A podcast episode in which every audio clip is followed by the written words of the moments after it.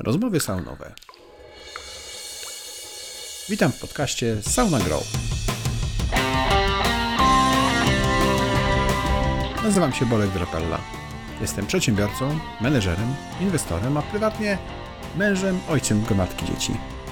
W życiu zawodowym pomagam firmom rosnąć mądrze, rozwijać się międzynarodowo i korzystać z dobrodziejstw technologii przy jednoczesnym zachowaniu ludzkiej twarzy w biznesie. Za dużo czasu poświęcamy pracy i sprawom zawodowym, aby nie przynosiło nam to frajdy w życiu codziennym. Podcast całą nagrodą jest o tym, jak łączyć przyjemne z pożytecznym, jak dzielić się z innymi wiedzą i jak umieć odpocząć od tego wszystkiego. Zapraszam do sauny. Porozmawiamy o biznesie i nie tylko.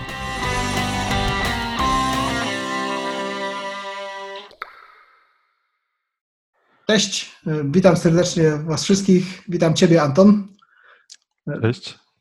Słuchajcie, zaprosiłem dzisiaj Antona do naszego podcastu po pewnej publikacji, po artykule, który jako Developcraft Anton współtworzył i bardzo mnie zaciekawiło podejście do tak zwanego product market fitu. Dlatego chciałbym dzisiaj z Wami i z Antonem głównie porozmawiać na ten temat, zastanowić się, co to w ogóle jest, dlaczego to jest istotne, jak należy do tego, tego podchodzić i jak na różnych etapach rozwoju firmy ważnym jest to, żeby o tym myśleć.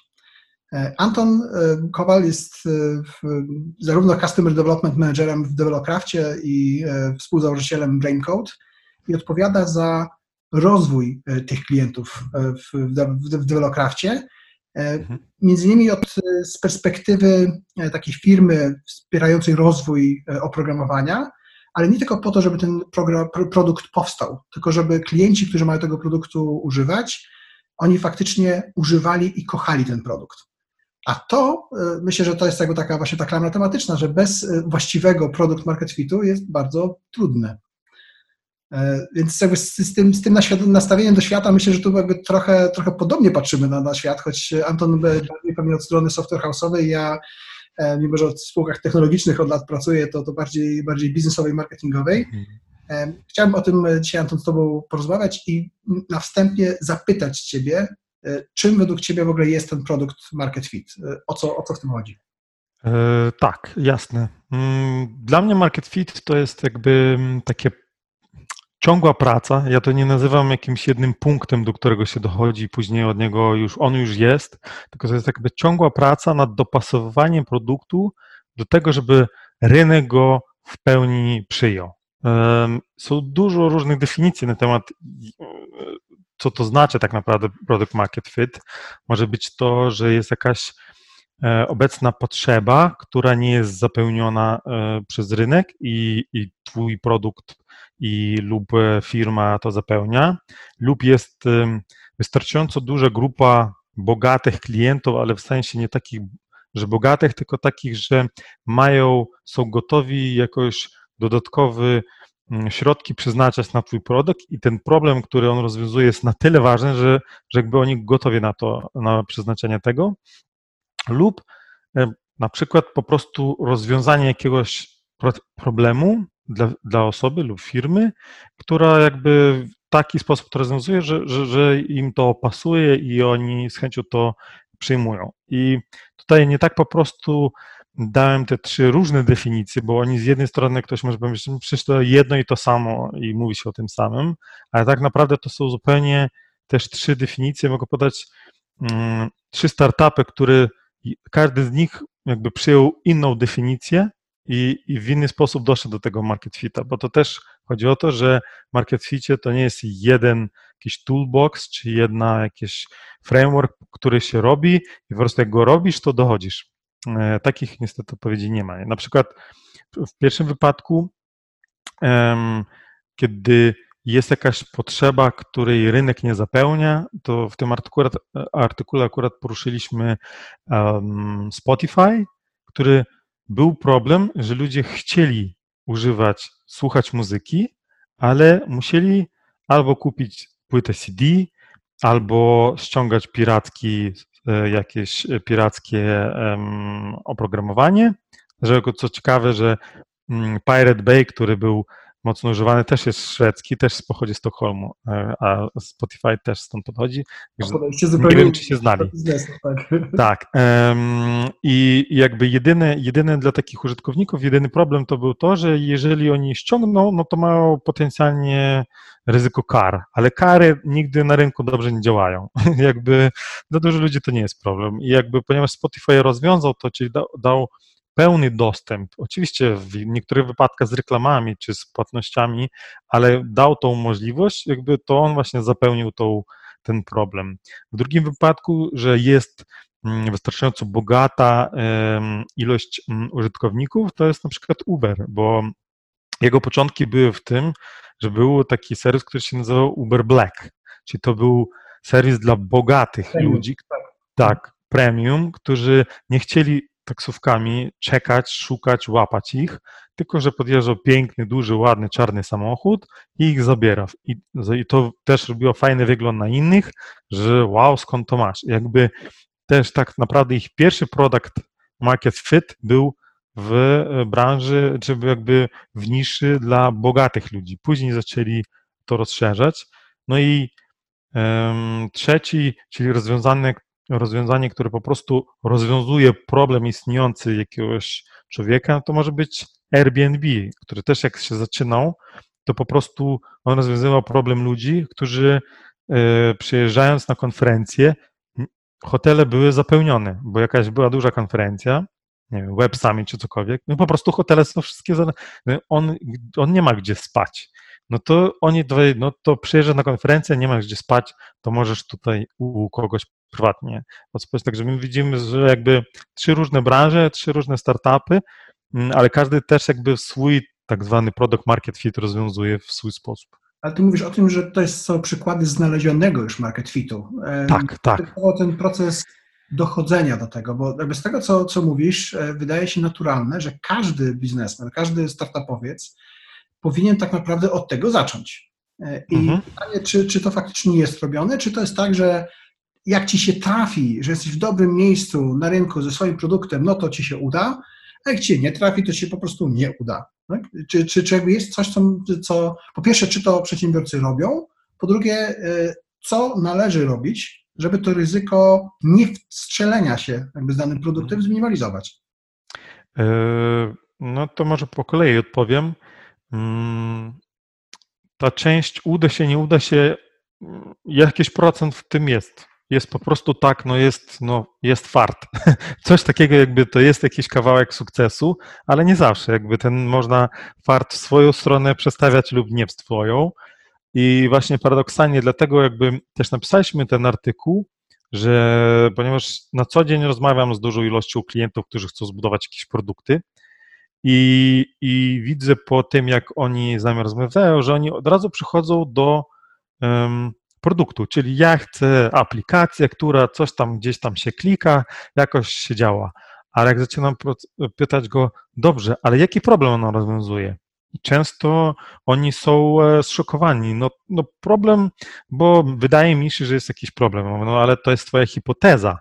E, I hipoteza jak najbardziej to jest dobry start do rozpoczęcia robienia czegokolwiek, ale często staramy się ich wysyłać tak naprawdę na taką pracę domową, do wykonania takiej pracy domowej i porozmawiania z tymi klientami, pokazania im rozwiązania na kartce. E, bo jeżeli to, mm, jeżeli nawet klient nie chce rozwiązania na kartce kupować, to znaczy, że może dla niego to nie jest aż tak duży problem. E, I znalezienie tych ludzi, który naprawdę jest duży problem, to też zajmuje czas, bo popytanie znajomych i rodziny, czy to jest dla Was problem, i oni powiedzą, tak, to jest dla nas problem, to jest duży tam potencjał, że po prostu chcą być fajni, bo to jest też członkiem rodziny. Także e, tutaj jakby podejście do tego pracy z klientem E, użytkownikiem musi być bardzo takie naukowe, wydaje mi się. Jest kwestia problemu, bo to się często roz, rozróżnia problem albo potrzebę, tak? Gdzie, tak. gdzie problem e, zazwyczaj mówi się o tym, że to jest już coś, co istnieje, czego klient jest, e, potencjalny klient czy przyszły klient jest świadomy, mhm. a potrzeba to jest coś, co często trzeba mu uświadomić, tak? Czyli ten tak. który dopiero tak. jeszcze nie wiesz, że tego potrzebujesz, ale tego potrzebujesz. To są powiedzmy dwie różne rzeczy. Mhm. Ja to widzę też w taki sposób, dostrzegam, że zazwyczaj jak jest jakiś problem, to on już jest jakoś rozwiązywany. Tak. I pytanie jest, czy nowy biznes pomoże go rozwiązać w lepszy sposób, bo e, no, rynek nie znosi próżni, rzadko jesteśmy w stanie wymyślić coś, czego absolutnie jeszcze nie było. E, Mhm. Czasami się oczywiście zdarza, tak? To słynny Ford, który mówi, że jakby pytał swoich klientów, e, czego chcą, to by powiedzieli szybszych koni, tak? Mhm. Dopiero potem samochody jakby przejęły, no bo nie było tego wcześniej, tak? Ale Tak. zazwyczaj problem jaki jest, jest w jakiś sposób rozwiązywany. I teraz pytanie, jak dotrzeć do tego, czy my jesteśmy w stanie zrobić to lepiej. I tu mam takie też e, refleksje odnośnie tego, co, co mówiłeś. Nie wiem, czy też e, tak to widzisz, czy się z tym zgodzisz, ale e, bardzo dużą uwagę, wspierając różne, różne firmy, stawiam na różnorodność, taką dywersyfikację w zespole. E, Do tego, żeby w zespole były różne kompetencje, żeby nie było tak, że wszyscy, wszystkie trzy osoby e, trzy kobiety, trzech facetów, tak, w jednym, w jednym, w jednym zespole znają się tylko na, na, na jednym obszarze, mają to samo doświadczenie, mają te same jakieś, jakieś myśli, żeby rzeczywiście mieć różne kompetencje w zespole. Tak. Z jednej strony dobrze jest, jeśli te kompetencje są różne, jeśli znajomość branżowa tematu, tego problemu, który chcemy rozwiązać, jest wysoka, ale pytanie, czy to nie jest pułapka w takim kontekście, że jeśli jest ktoś, jedna lub dwie osoby w zespole, które bardzo dobrze czują ten konkretny temat, czy one nie zaniechają tego market fitu, bo im się wydaje z dużym prawdopodobieństwem, że dokładnie już wiedzą o co chodzi, bo oni pracowali w takiej firmie, która miała ten problem, więc trzeba go rozwiązać w taki taki sposób. Czy nie czujesz, że ludzie e, mniej znający daną branżę czy dany problem mają trochę więcej takiej pokory i oni są w stanie częściej o ten market fit zadbać, czy go, czy go sprawdzić, czy, czy nie widzisz takiej, takiej zależności? Jakby z jednej strony tak, z jednej strony dobrze mieć doświadczenie pracy w tej branży, której chcesz stworzyć nowy produkt, no bo prawdopodobnie ją głębiej znasz. Mhm. To jest dobre. Z kolei e, tak samo też fajnie jest, że ktoś zupełnie nie zna, ale tutaj wydaje mi się, że to jest po prostu podejście do budowy firmy, że czy ty to znasz branżę, czy nie, e, nigdy nie można tak naprawdę iść po prostu na skróty. Po coś, mm, po coś były te książki napisane, Lean Startup i to wszystko, nie dlatego, żeby było poczytać i pomyśleć sobie, dobrze, będę tak robił, ale tutaj to akurat znam. To jakby to właśnie to jest to, co y, wysadza całe produkty i nie ma, nie można do niczego podchodzić e, z takim Bez podejściem, że ja już znam, tak, może coś być prościej, tak, może znasz, ponieważ pracowałeś w branży, już znasz ludzi, którzy w tej branży pracują, którzy mogą być twoimi klientami, że można ich łatwiej pozyskać, ale proces jest procesem i jakby nie ma co go zniszczyć, bo jak ty go nie robisz tak, jak jest potrzebny według reguł, to wtedy sam sobie zaburzysz. Wtedy ty sam sobie, jakby można powiedzieć, kłamiesz, bo um, jakieś dane, informacje nie pokazują się lub, lub ty ich nie widzisz i ty już podejmujesz decyzję na czymś, na czym, co jest nie jest sprawdzone. Rozumiem. No okej, no to, to jeśli już jakby dojrzałem do tego, że, że, że chcę poznać tego użytkownika, chcę poznać, chcę Mhm. zrobić jakby to, to badanie, ten research, jak się, jak się do tego zabrać? Jak, e, jak można się uczyć o własnym, e, własnym potencjalnym kliencie, użytkowniku? E, My zawsze, jak rozmawiam z klientami, zawsze mówimy, że to nie musi kosztować. Oczywiście można wynająć dużą firmę, która ma swoich e, cały opisane różne procesy, jest multum różnych procesów, od budowy persony do różnych mm, ćwiczeń, które można wykonać. To wszystko jest w internecie, Business Model Canvas, e, te inne sprawy, ale z mojego doświadczenia nic lepszego nie ma, jak się po prostu rozmawia z klientem. Ale ktoś może zapytać, no dobrze, no łatwo powiedzieć, no ale gdzie go tego klienta znaleźć? Jest Facebook, jest LinkedIn, to jest, to jest to, czego ludzie często się boją, bo to jest, można powiedzieć, troszkę praca sprzedawcy. Jakby takiego, ale jeżeli ty naprawdę wierzysz w ten produkt, to musisz umieć go sprzedawać. I em, po prostu ja często w innych wypadkach, jak też kiedy- kiedyś budowałem produkty, po prostu szukałem ludzi na LinkedInie i pytałem ich, słuchajcie, mam taki problem, wydaje mi się, że można to tak rozwiązać. I Co jest według was? Jak jest według was? Oni mówią nie, tak i to są setki, dziesiątki rozmów, których po prostu trzeba odbyć mm, i się ich nie bać. Jakby nawet nie mając żadnego produktu, można napisać tekst, jak wyście by rozwiązali ten produkt w tekście i Mhm. wyrzucać, puszczać ludziom ten tekst i mówić, co ty o tym myślisz? Jak on powie tak, nie i z 50 osób znajdzie się dwóch, e, których naprawdę to boli i zaczną, zaczną o tym pisać, zaczną z tobą rozmawiać. Nawet ci mogą, mogą pomóc, em, pomóc to rozwiązać w jakiś sposób, używając nawet swoich, em, swoich jakby kontaktów czy, czy wiedzy, bo to są takie ambasadory i właśnie em, o tyle łatwiej takich czasami ambasadorów jest znaleźć, e, ponieważ oni też czasami piszą o rzeczach jakichś tam, no bo ich, ich tak to męczy, że gdzieś wypluwają lub, e, nie wiem, nie wiem używając e, Brand24 czy Senti1, e, poczytać o wzmiankach, kto o czym pisać, Quora.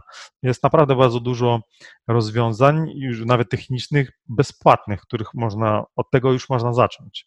Bo tutaj i to jest też, wydaje mi się, idealny przepis na COVID, bo wszyscy mówią, co robić w COVID-zie.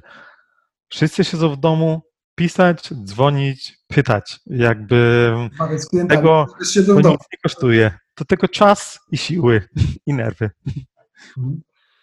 Teraz przyszła mi taka, taka też refleksja do, do głowy na podstawie tego, co mówisz. Co prawda to jest przykład e, firmy już na trochę dalszym etapie, bo nasz ma produkt, ma, ma klientów. No, Nie mogę nazwy podać, bo jest to firma, którą e, rozważamy inwestycje jako fundusz Black Pearls e, i w tej chwili jesteśmy na etapie analizy zespołu. I e, mi w- roli tej w zespole przy- przypadł ten, ten zaszczyt właśnie rozmawiania z poszczególnymi osobami w management teamie, w, w teamie założycieli i bardzo mnie zdziwiło to, że Chief Product Officer, czyli główny produktowiec firmy, jest jednocześnie wdrożeniowcem. Czyli nie ma account managementu, nie ma jakiegoś tam implementation manager, tego, który faktycznie nowych klientów, a mają już ich ponad 100, e, to są korporacyjni klienci, e, wdrażają w, w swój produkt. Ja mówię, ale jak to? Przecież to jest w ogóle nie- nie- nieskalowalne. Jakby to, to, to nie może tak być. Jeśli ta firma ma urosnąć razy tysiąc, tak, no to czy powiedzmy do, do tysiąca klientów z tych stu, no to, to nie może jeden człowiek, jeszcze do główny produktowiec poświęcać czasu na, na wdrożenie. Ale się okazuje, że głównym celem, dla którego on to robi, to jest mimo, że mają już 100 klientów, to on z każdym tym klientem weryfikuje, czy to, co oni dowożą jako produkt, czy jest właściwe. Mhm. I o ile rzeczywiście nie jest to skalowane rozwiązanie dla tysiąca klientów, to jeszcze na tym etapie 100, 150, 200 to jest taka skarbnica wiedzy, że w momencie, kiedy by się to rozdzieliło, że jest osobny e, dział, który zazwyczaj jest poddziałem sprzedaży albo obok Mhm. sprzedaży. Jeden sprzeda, a kolega wdroży, tak? ale to jest wtedy account manager, który to wdraża, ale już do produktowców, którzy mają później rozwijać produkt, nie dociera e, ten żywy klient, tak? nie dociera ta, ta, ta prawdziwa relacja. I to jest e, rzecz oczywiście na, na, na dalszym etapie. Tak? W waszym artykule skupiacie się głównie na e, tym, że zanim w ogóle pierwszą, pierwszą linijkę kodu napiszesz, to, to musisz jakby to wiedzieć, tak? ale tak Mhm. naprawdę to jest proces iteracyjny. To nie jest tak, że Tak. raz się to osiągnie i już to jest, tak? tylko Mhm. non-stop, zarówno w tym głównym produkcie, jak i w nowych produktach, które często jako dodatkowe linie biznesowe się tworzą. Pamiętam w AirHelpie, tak? No, Główny, e, w- główny no, core business, to czym się zajmuje AirHelp, to jest, są odszkodowania dla, e, dla pasażerów linii lotniczych, jeśli samolot jest opóźniony lub odwołany, ale w pewnym momencie stwierdziliśmy, ok, ale my w większości ludziom musimy od, odmówić e, jakby tej usługi, bo według prawa im się nie należy, bo się samolot za mało spóźnił, albo nie była to wina linii, bo pogoda i tak dalej. I wymyśliliśmy, że ok, no to jeśli my 80% klientom mówimy nie, wasze opóźnienie nie nadaje się do odszkodowania, to co my innego możemy im dać? Mhm. I wymyśliliśmy super produkt, nazywało się to AirHelp Pro, no oczywiście to było Pro, no przecież jest na pewno lepsze niż bez Pro, tak? E, Nazwa, nazwa super i stwierdziliśmy, że my będziemy e, taki powiedzmy ekwiwalent pakietu czy, czy ubezpieczenia polegający na tym, że jeśli nawet ci o dwie godziny, nie trzy godziny tak jak według prawa, ale dwie godziny się spóźni samolot, e, albo w, jeśli będziesz musiał czekać na samolot z powodu spóźnienia, to my ci damy e, 100 dolarów, damy ci w e, executive lounge w, w, na lotnisku, żebyś mógł sobie poczekać w komforcie, jeśli utkniesz na, w zamkniętym samolocie na pasie startowym, czy tak zwany tarmac delay, to, to Mhm. damy ci 1000 dolarów, tak, taki super produkt zrobiliśmy. I się okazało, że nikt tego nie chce kupować. Mimo, że to był roczny produkt, wydawało się no, no, znacznie lepszy, bo uzupełnia te podstawowe dane, w ogóle nie żarło. Tak wydaliśmy kupę kasy na, na, na wdrożenie produktu, bo nam się wydawało, często podróżującym, z, z dużym doświadczeniem komersowym, online travelowym, że to zażre. A rok później jeden z, jeden z naszych z, z, z członków managementu, notabene główny account manager, czyli ten, który rozmawiał z klientami mhm. często, mówi, słuchajcie, co innego zróbmy. Zróbmy po prostu naszą usługę podstawową, czyli tą AirHub, czyli w, w uzyskiwanie odszkodowania od, od linii lotniczej za opóźnione loty, za którą normalnie pobieramy tam 30% prowizji, jak się uda.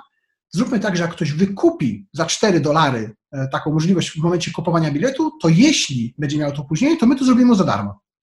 Czyli po prostu nie będzie, to prosta sprawa, nadal ta sama usługa, tylko że nie pobierzemy tych 30%, tam nie wiem, 600 euro, jeśli e, wykupisz tą usługę. I wydawałoby się, cała reszta, nie, to nie ma sensu, to w ogóle nie, nie ma, nie ma, nie ma w ogóle, co to jest? No przecież ludzie nawet nie, nie do końca rozumieją, na czym nasza usługa polega, a ty jeszcze chcesz e, jakby znieść opłatę za usługę, której oni nie do końca rozumieją, pobierając jakąś opłatę z góry. Okazało się, że tak, że to, to zażarło, ludzie zaczęli to, to kupować, bo faktycznie czuli, że to jest dla nich wartość, bo e, lepiej im jest postawić na szali 4 euro, 4 dolary, niż ryzykować e, powiedzmy 200 euro e, opłaty, którą musieliby zapłacić nam, gdybyśmy, gdybyśmy procesowali wniosek. Tak, bo to może być właśnie psychologiczna gra bardziej. Tak, o to, o to chodziło, tylko że właśnie zabrakło to w tym pierwszym, tak? bo pierwszy był mhm. AirHelp Pro, drugi był AirHelp Plus. Tak? Może to mhm. plus, to, to takie polskie, że teraz pasuje, tak? wszystko plus i jest lepsze. Ale oczywiście nie sam naming, tylko może w pierwszym produkcie zabrakło nam takiej pokory, żeby zweryfikować przed dużym developmentem, przed dużym jakby sprzedawaniem, pozyskiwaniem w ogóle partnerów do sprzedaży tego produktu, e, zabrakło nam tej właśnie weryfikacji na prawdziwych e, użytkownikach. No, ja to tutaj... wielomilionowa e, różnica, tak powiem, i w produkcie, i w koszcie, i czasie w ogóle jego zaistnienia. Mm, ja tego, co dodam do tego pierwszego wątku, co powiedziałeś na temat tego, że ta jedna osoba robi dwie rzeczy, wydaje mi się, że to jest absolutnie normalne i i to też pokazuje, że oni są na etapie, że jakby oni jeszcze nie mają pełnego product market fit. Oni mhm. mają taki, mm, jeden raz słyszałem od jednego założyciela, on to nazwał product customer fit, czyli to jest taki przedmarket, bo mhm. czyli jest już klient, który płaci, tak. ale nie ma rynku, który to wsiąka. To są jakby, brzmi bardzo podobnie, ale to jest właśnie ta różnica, że jest już pierwszy klient, który ci płaci, już kilka nawet czy kilkadziesiąt, mhm. ale to jeszcze nie jest taki produkt, który mógłby na ogromną skalę być przyjmowany przez klientów i dlatego jak oni wejdą w moment, że oni widzą, że skala jest taka i nic nowego nie pozyskują nowej informacji, albo ta wielkość nowej informacji jest znikoma, wtedy to już jakby jest stabilny proces, wtedy będzie jakiś account manager to robił i to już będzie jakiś tam product market fit. Mhm.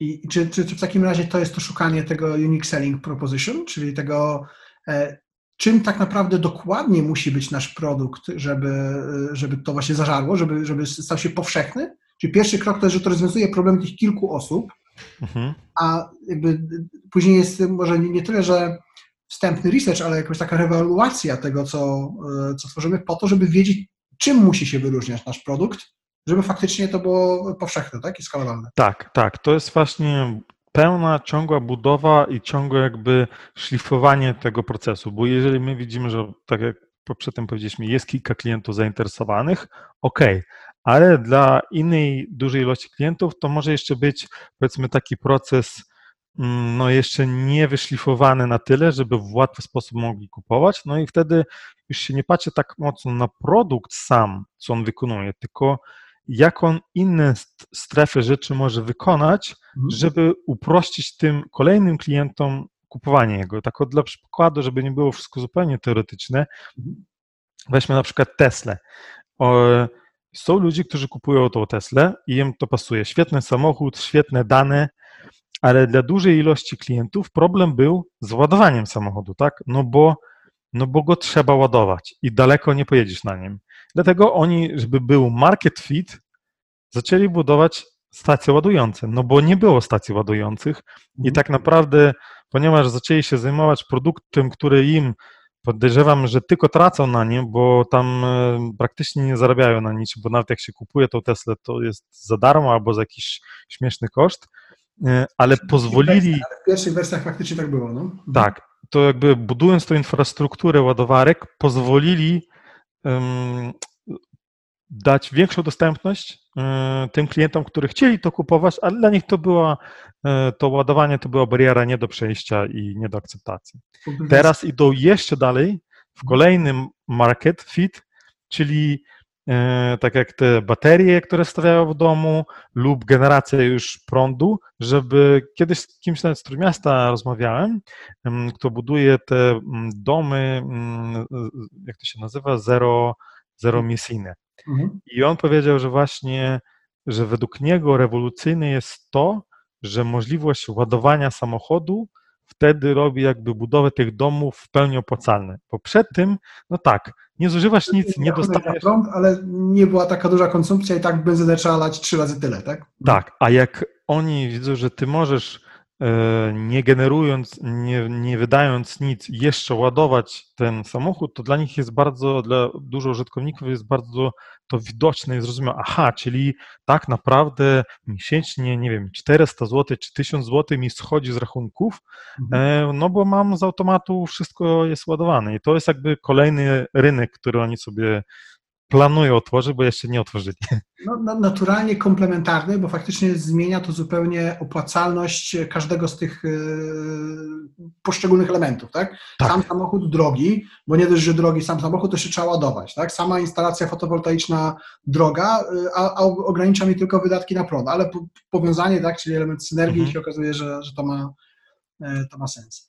E, tak. W artykule, jaki jako Developcraft opublikowaliście, pokazaliście sześć takich, e, takich kroków, które, mhm. które warto jakby zrobić, zanim się zacznie e, no, produkcja jako taką. Mówiliśmy o tym weryfikacji, czy problem, czy ta potrzeba faktycznie istnieje. Mówiliśmy o tym w poszukiwaniu informacji zwrotnych, o tym researchu tak, wśród mhm. klientów. Wspomnieliśmy o Unique Selling Point, czy Proposition. I jeszcze też pokazujecie jako czwarty punkt od, konieczność oddzielenia tego, co w produkcie jest niezbędne, a tego, co w produkcie jest e, nice to have, czyli takim, że fajnie by było to mhm. mieć. Dlaczego to jest takie istotne? To jest e, istotne dlatego, że mm, podczas budowy całego produktu nowego i, i dojścia do tego product market fit, ono cały czas, proces polega na tym, że ty spróbuje, próbujesz go dogonić, ale twoim dużym wrogiem jest czas kiedy ty to go dogonisz, bo może być tak, jak będziesz go długo gonił, to już ktoś to zbuduje i jakby będzie już po zabawie. Dlatego e, wydzielenie rzeczy nice to have i, i must have właśnie polega na tym, że ty wydzielasz te fajne rzeczy, które ci się wydaje, że są fajne, a te niezbędne, które ci klient powiedział, bez tego to ja tego nie kupuję. I jakby i warto się skupiać. Kiedyś też jeden nauczyciel tak e, jakiś kurs robiłem online i on powiedział, żebyście mogli sobie zobrazować, jaki musi być fokus na produkcie, to musi być two inches wide in two miles deep. Nie? I to właśnie chodzi o to, na to skupienie i to jest też właśnie y, praca na wyłącznie na rzeczach, które są must have, z mhm. dodatkiem do tego, że to są nie tylko rzeczy must have, ale też do must have'u też wchodzi nie tylko ta mm, standardowa funkcjonalność, którą po prostu korzysta klient, ale też funkcjonalność rzeczy, które pozwala badać klienta. Bo często wszyscy się skupiają, OK, must have to jest tylko wyłącznie budowanie tych przycisków, które on potrzebuje, tych działań, algorytmów, co, co wykonują się, ale też bardzo ważnym jest podpinanie wszystkich anali- anali- e, rzeczy, które po, po, pozwalają zbierać ana- analitykę, mhm. żeby rozumieć to. No bo to jest bez sensu, jak my coś zbudujemy, ale nie jesteśmy w stanie zrozumieć, czy ktoś to używa, no bo i oczywiście jest multum narzędzi, które są do tego używane, ale oni są też kluczowe i oni nie są nice to have, oni też są must have. No, rozumiem, że chodzi o to, żeby e, wiedzieć, jaki zrobić krok następny, tak? Bo, bo z jednej strony, jeśli e, pomieszamy te, to, co jest niezbędne i to, co jest e, tym dodatkiem, to po pierwsze znacznie później uruchomimy produkt i pokażemy go światu tak. i będzie to więcej kosztowało, niż ktoś nas może wyprzedzić i może być to zupełnie nie to, co było potrzebne. Tak, tak. i też po to jakby po to jest cała ta metodyka Lean, bo często jakby ludzie jakby wydaje mi się, że nie do końca dobrze rozumieją e, Lean w, w takim sensie, że im się wydaje, ok, zrobię gigantyczny projekt na trzy miesiące, tylko że będę go w małych kawałkach robił. A to właśnie nie o to chodzi. Właśnie chodzi o podzielenie i zrobienie tego must w jeden tydzień, mhm. może zrobienie dwóch rzeczy, ale w jeden tydzień i od razu przetestowanie go z klientem, a nie robienie dużej rzeczy w małych kawałkach bardzo długo i później wypuszczenie tego do klienta. To jest właśnie ta, ta cykliczność, po to jest to kółeczko, tylko w tym kółeczku nie jest, że ship i, i tam deploy i ono działo i magia jakaś się dzieje, tylko magia się nie dzieje, musi być następny krok, który wykonuje czy founder, czy ktoś z, z marketingu, czy z kimś, który rozmawia z klientem, użytkownikiem i testuje to i w tymże tygodniu czy następnym ma już feedback, co dalej trzeba poprawiać e, i szlifować ten master dalej. No, to jest chyba to wyzwanie e, szczególnie u początkujących founderów albo takich, którzy są przyzwyczajeni do tego jakby waterfallowego zarządzania, że e, ja sobie wyobraziłem taki produkt i dopóki on nie będzie taki, jak ja sobie wyobraziłem, to ja w ogóle nie pokażę go światu. Tak? Tak. E, I to stwierdzenie ostatnio też bardzo modne, że e, jeśli nie jesteś zażenowany jakością produktu, jaki udostępniłeś na rynku, znaczy, że udostępniłeś go za, za późno. Tak? tak, e, w sensie, tak, tak, tak często mieć, mieć jakby te iteracje weryfikacji, czy, to, co, czy idziemy w dobrym kierunku, czy faktycznie to rozwiązuje, rozwiązuje te, te najważniejsze, mhm. najważniejsze problemy. I to też jest jakby, to jest ciągła mentalna praca ze sobą, bo mm, ponieważ my o tym rozmawiamy, to nie oznacza, że jak mi ktoś po czterech dniach opowie o pomyśle, że ja też nie popadnę w tą pułapkę, bo jakby zbywałem kilka produktów, kilka pomagałem budować i, i też czasami wpadam w tą pułapkę. Jakby to, jakby to jest cała ta właśnie mentalna praca nad sobą, że o, przesadzasz, przesad, to już jest za dużo, obcinajmy. Mhm. Tak. tak. Także to jest tak jak przy wszystkim ciągła praca. Mhm. Czyli jest to znowu te dwie listy, tak? Ten must have i nice to have. Mhm. I obie te listy też e, jakieś, rozumiem, priorytety ustawione, która, która w jakiej kolejności musi być, tak? Czy, czy niezbędna od razu, czy do, na przykład do weryfikacji jakiejś tezy, rozumiem, że pewne takie główne e, funkcjonalności warto wdrożyć od razu. Nawet jeśli coś jest e, na tej liście must have, to niekoniecznie oznacza, że musi być to w pierwszym tygodniu zrobione, tak? Czy, czy w pierwszej takiej iteracji tak? produktu. Tak, jest to też um, weryfikacja tak, Jest, jest, dużo różnych podejść. Jedno z podejść, którym się ostatnio słuchałem, się spodobało, z nim się podzielił CEO Y Combinator, jak on budował e, produkty, że oni się zamykali e, na jeden dzień mhm. i wrzucali wszystkie pomysły, co może być wykonane w tym tygodniu i jakby wzajemnie negocjowali. Czyli inni ludzie mówili, po pierwsze musieli ocenić, jak długo to zajmuje. Jakby reguła była taka, że robimy w tygodniu trzy małe rzeczy, jakieś takie, co tam powiedzmy do, do 4 godzin zajmują wdrożenia mhm. i dwie większe. Mhm. I dwie większe na końcu się robi. Najpierw robi się te małe. e, i, i, I wtedy często on mówił, że wychodziło, że te trzy zajmowały zawsze coś troszkę więcej, coś troszkę obsuwa, że te dwie duże nigdy nie robili. Ale to było właśnie dobrze, bo te duże rzeczy mm, mogły ich podrążyć jakby w, w dłuższy cykl developmentu i oni, mm, i to było jakby trzy rzeczy oni robili, że hipotezy jakiekolwiek, od kogokolwiek, wszystkie pomysły wchodziły w grę, bugi, bo bugi czasami też paradoksalnie mogą być blokerem do rozwiązywania jakichś kolejnych, także bugi też by wchodziły jakby w roadmap. Um, i trzecia rzecz, po prostu um, jakieś ogólne robienie jakby takich rzeczy, co trzeba co jakiś czas robić, w sensie czyszczenie kodu, poprawianie wszystkiego, takie to już nawet ciężko bugiem nazwać, taki e, home service, sprzątanie wewnętrzne. I to są trzy rzeczy, na którym się skupiają. Oczywiście sprzątanie było odkładane na jak najpóźniej, jak najdalej, ale te dwie rzeczy, czyli testowanie hipotez i ta, ponieważ żeby to było e, możliwe wdrożyć to w tygodniu, no to hipoteza musiała być na tyle mała, żeby ją łatwo było wdrożyć, ale też użytkowników i, i danych musiał być na tyle duży, żeby pokazać, czy ta hipoteza zadziałała, czy nie. No Także tak, to, tak to... Budowanie testu, tylko jakiś wniosek, który na podstawie z weryfikacji trzeba e, wysnuć. Tak. I czasami y, często dla no, y, foundera to może być frustrujące, że on ma jakiś swój, który jest ciąg, swój pomysł, który jest ciągły nice to have i on nigdy nie jest drążony. No ale to jest niestety e, taka, taka praca, że dużo marzeń nie będą wdrążone. Dopóki, dopóki to nie urośnie do, do, do rangi must have, albo jakby dopóki... Lub jeżeli 10 klientów powiedzą, bez tego mm, nie będziemy z wami pracować, no to twój nice to have nagle zrobił must have. No właśnie, czyli on po prostu awansuje, tak? To jest kwestia Tak. zawsze robienia tych business case'ów dla, e, dla tych e, projektów na, na górze listy czekających, e, żeby w pewnym Mhm. momencie powiedzieć, ok, ciągle nam to nie wchodzi, to musimy na przykład zwiększyć zasoby, żeby jednak to weszło, bo Tak. więcej tracimy na tym, że to nie wchodzi, niż zyskujemy na tym, że robimy inne rzeczy, tak? I wtedy Mhm. można myśleć o zwiększeniu zespołu, można myśleć o software house, który może czasami pomóc wtedy krótkoterminowo lub potem może i długoterminowo, tak? Ale to jest moment, kiedy może być po prostu więcej zasobów potrzebnych. No okej, mamy te dwie listy, tak? Rozumiem, wtedy budujemy ten, ten prototyp, budujemy e, jakby pierwszą, rozumiem, iterację tych must Mhm. have'ów, tak? I, i, I co dalej? Mamy, mamy prototyp, jaki jest ten ostatni krok, który, e, który jest istotny? E, No, wtedy to już jest. mm, Czyli w- udało nam się mniej więcej zrobić jakiś, wymyślić nasz unique selling point. Jest najczęściej w tym jakaś hipoteza. e, Spróbowaliśmy poukładać najważniejsze rzeczy. Zaczęliśmy budować prototyp. Oczywiście najprościej zawsze robić najprostsze prototypy.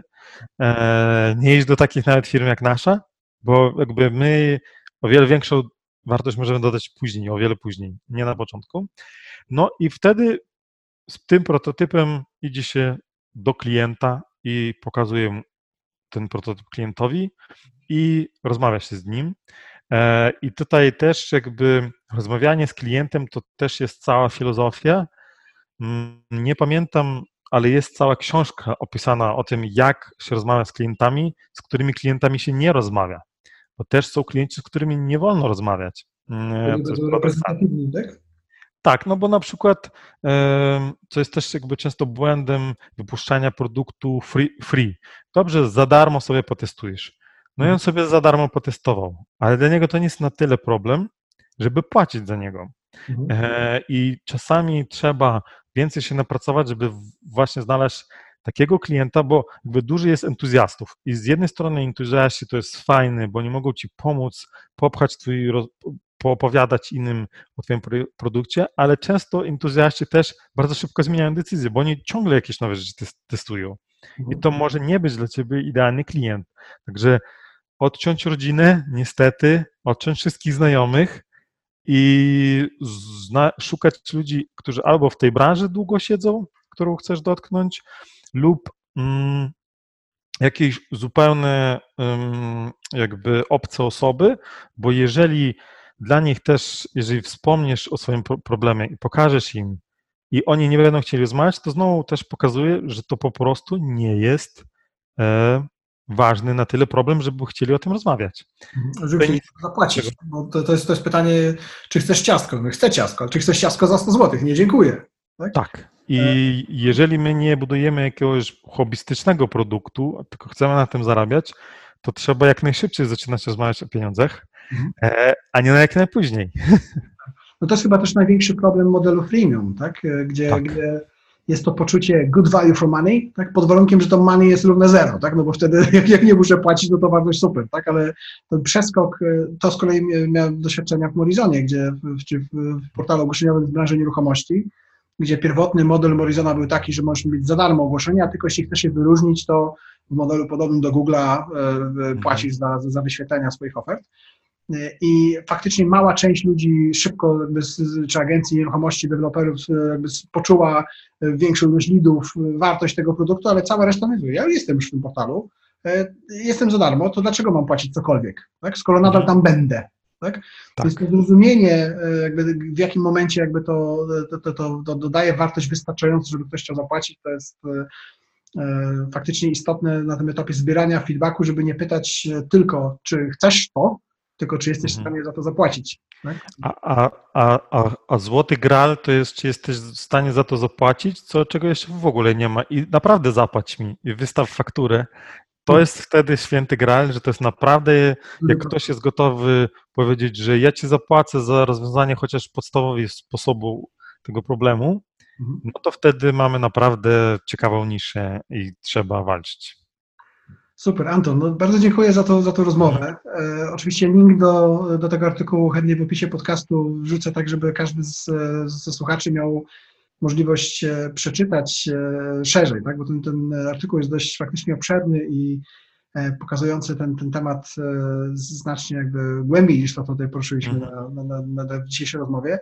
Ale mówię, raz jeszcze bardzo dziękuję za, Ja za bardzo. Za, za dzisiejszy czas. Mam nadzieję, że to było przydatne inspirujące dla e, wszystkich słuchaczy i oglądających. Podobał Ci się ten odcinek? Czujesz, że warto porozmawiać o tym szerzej? Nagraj swoje pytanie lub komentarz na saunagrow.com ukośnik rozmowy lub zwyczajnie umów się na indywidualny mentoring biznesowy w saunie. Do zobaczenia!